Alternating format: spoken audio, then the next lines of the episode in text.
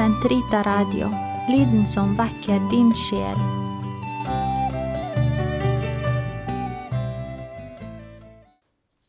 Den katolske kirkes katekisme, uke 23, torsdag, paragraf 1406 til 1419.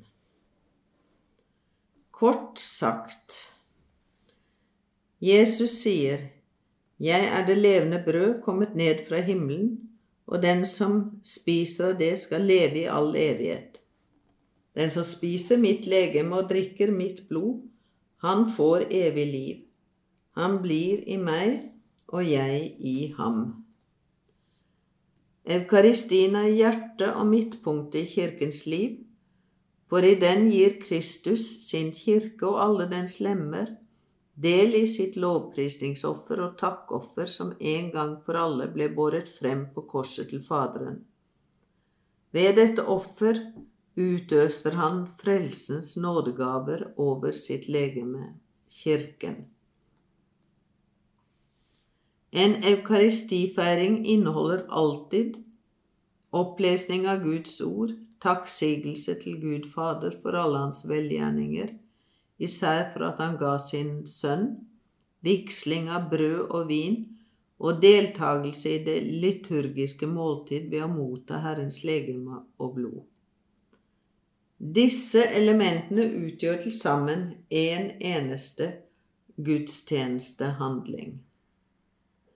Eukaristien er minne om Kristi påske, det vil si det frelsesverk som ble fullbyrdet gjennom Kristi liv, død og oppstandelse, og dette verk gjøres nærværende gjennom den liturgiske handling. Det er Kristus selv, den evige ypperste prest i den nye pakt, som ved prestenes tjeneste frembærer det eukaristiske offer. Likeledes er det Kristus, virkelig til stede under brødets og vinens skikkelser, som er offergaven i det eukaristiske offer. Det er bare prester med gyldig vigsel som kan føre forsetet under eukaristien, og vigsle brød og vin slik at de blir Herrens legeme og blod.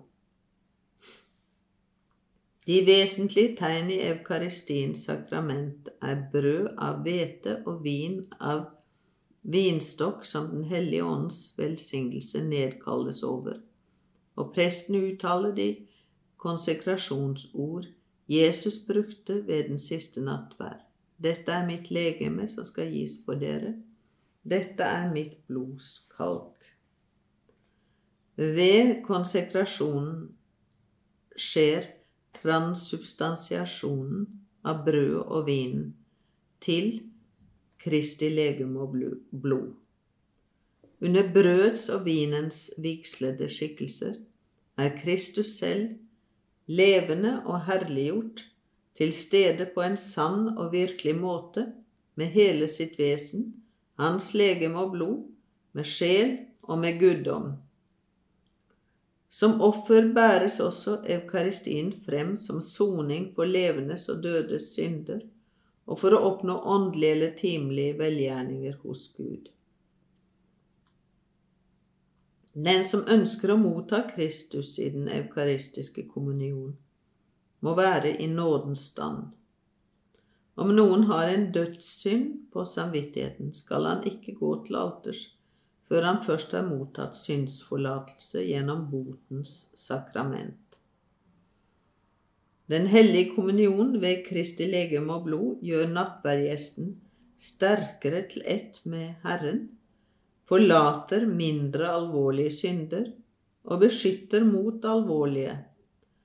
Siden kjærlighetens bånd mellom nattverdgjesten og Kristus styrkes, styrker mottagelsen av dette sakrament enheten i Kirken, Kristi mystiske legeme. Kirken anbefaler sterkt de troende å motta Den hellige kommunion hver gang de tar del i feiringen av eukaristien. Den forplikter dem til det i det minste én gang i året. Siden Kristus selv er til stede i alterets sakrament, skal han æres med tilbedelse.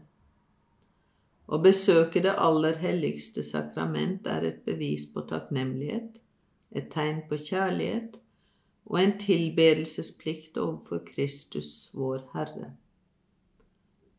Etter å ha forlatt denne verden for å gå til Faderen, gir Kristus oss i Eukaristien pantet på herligheten hos ham.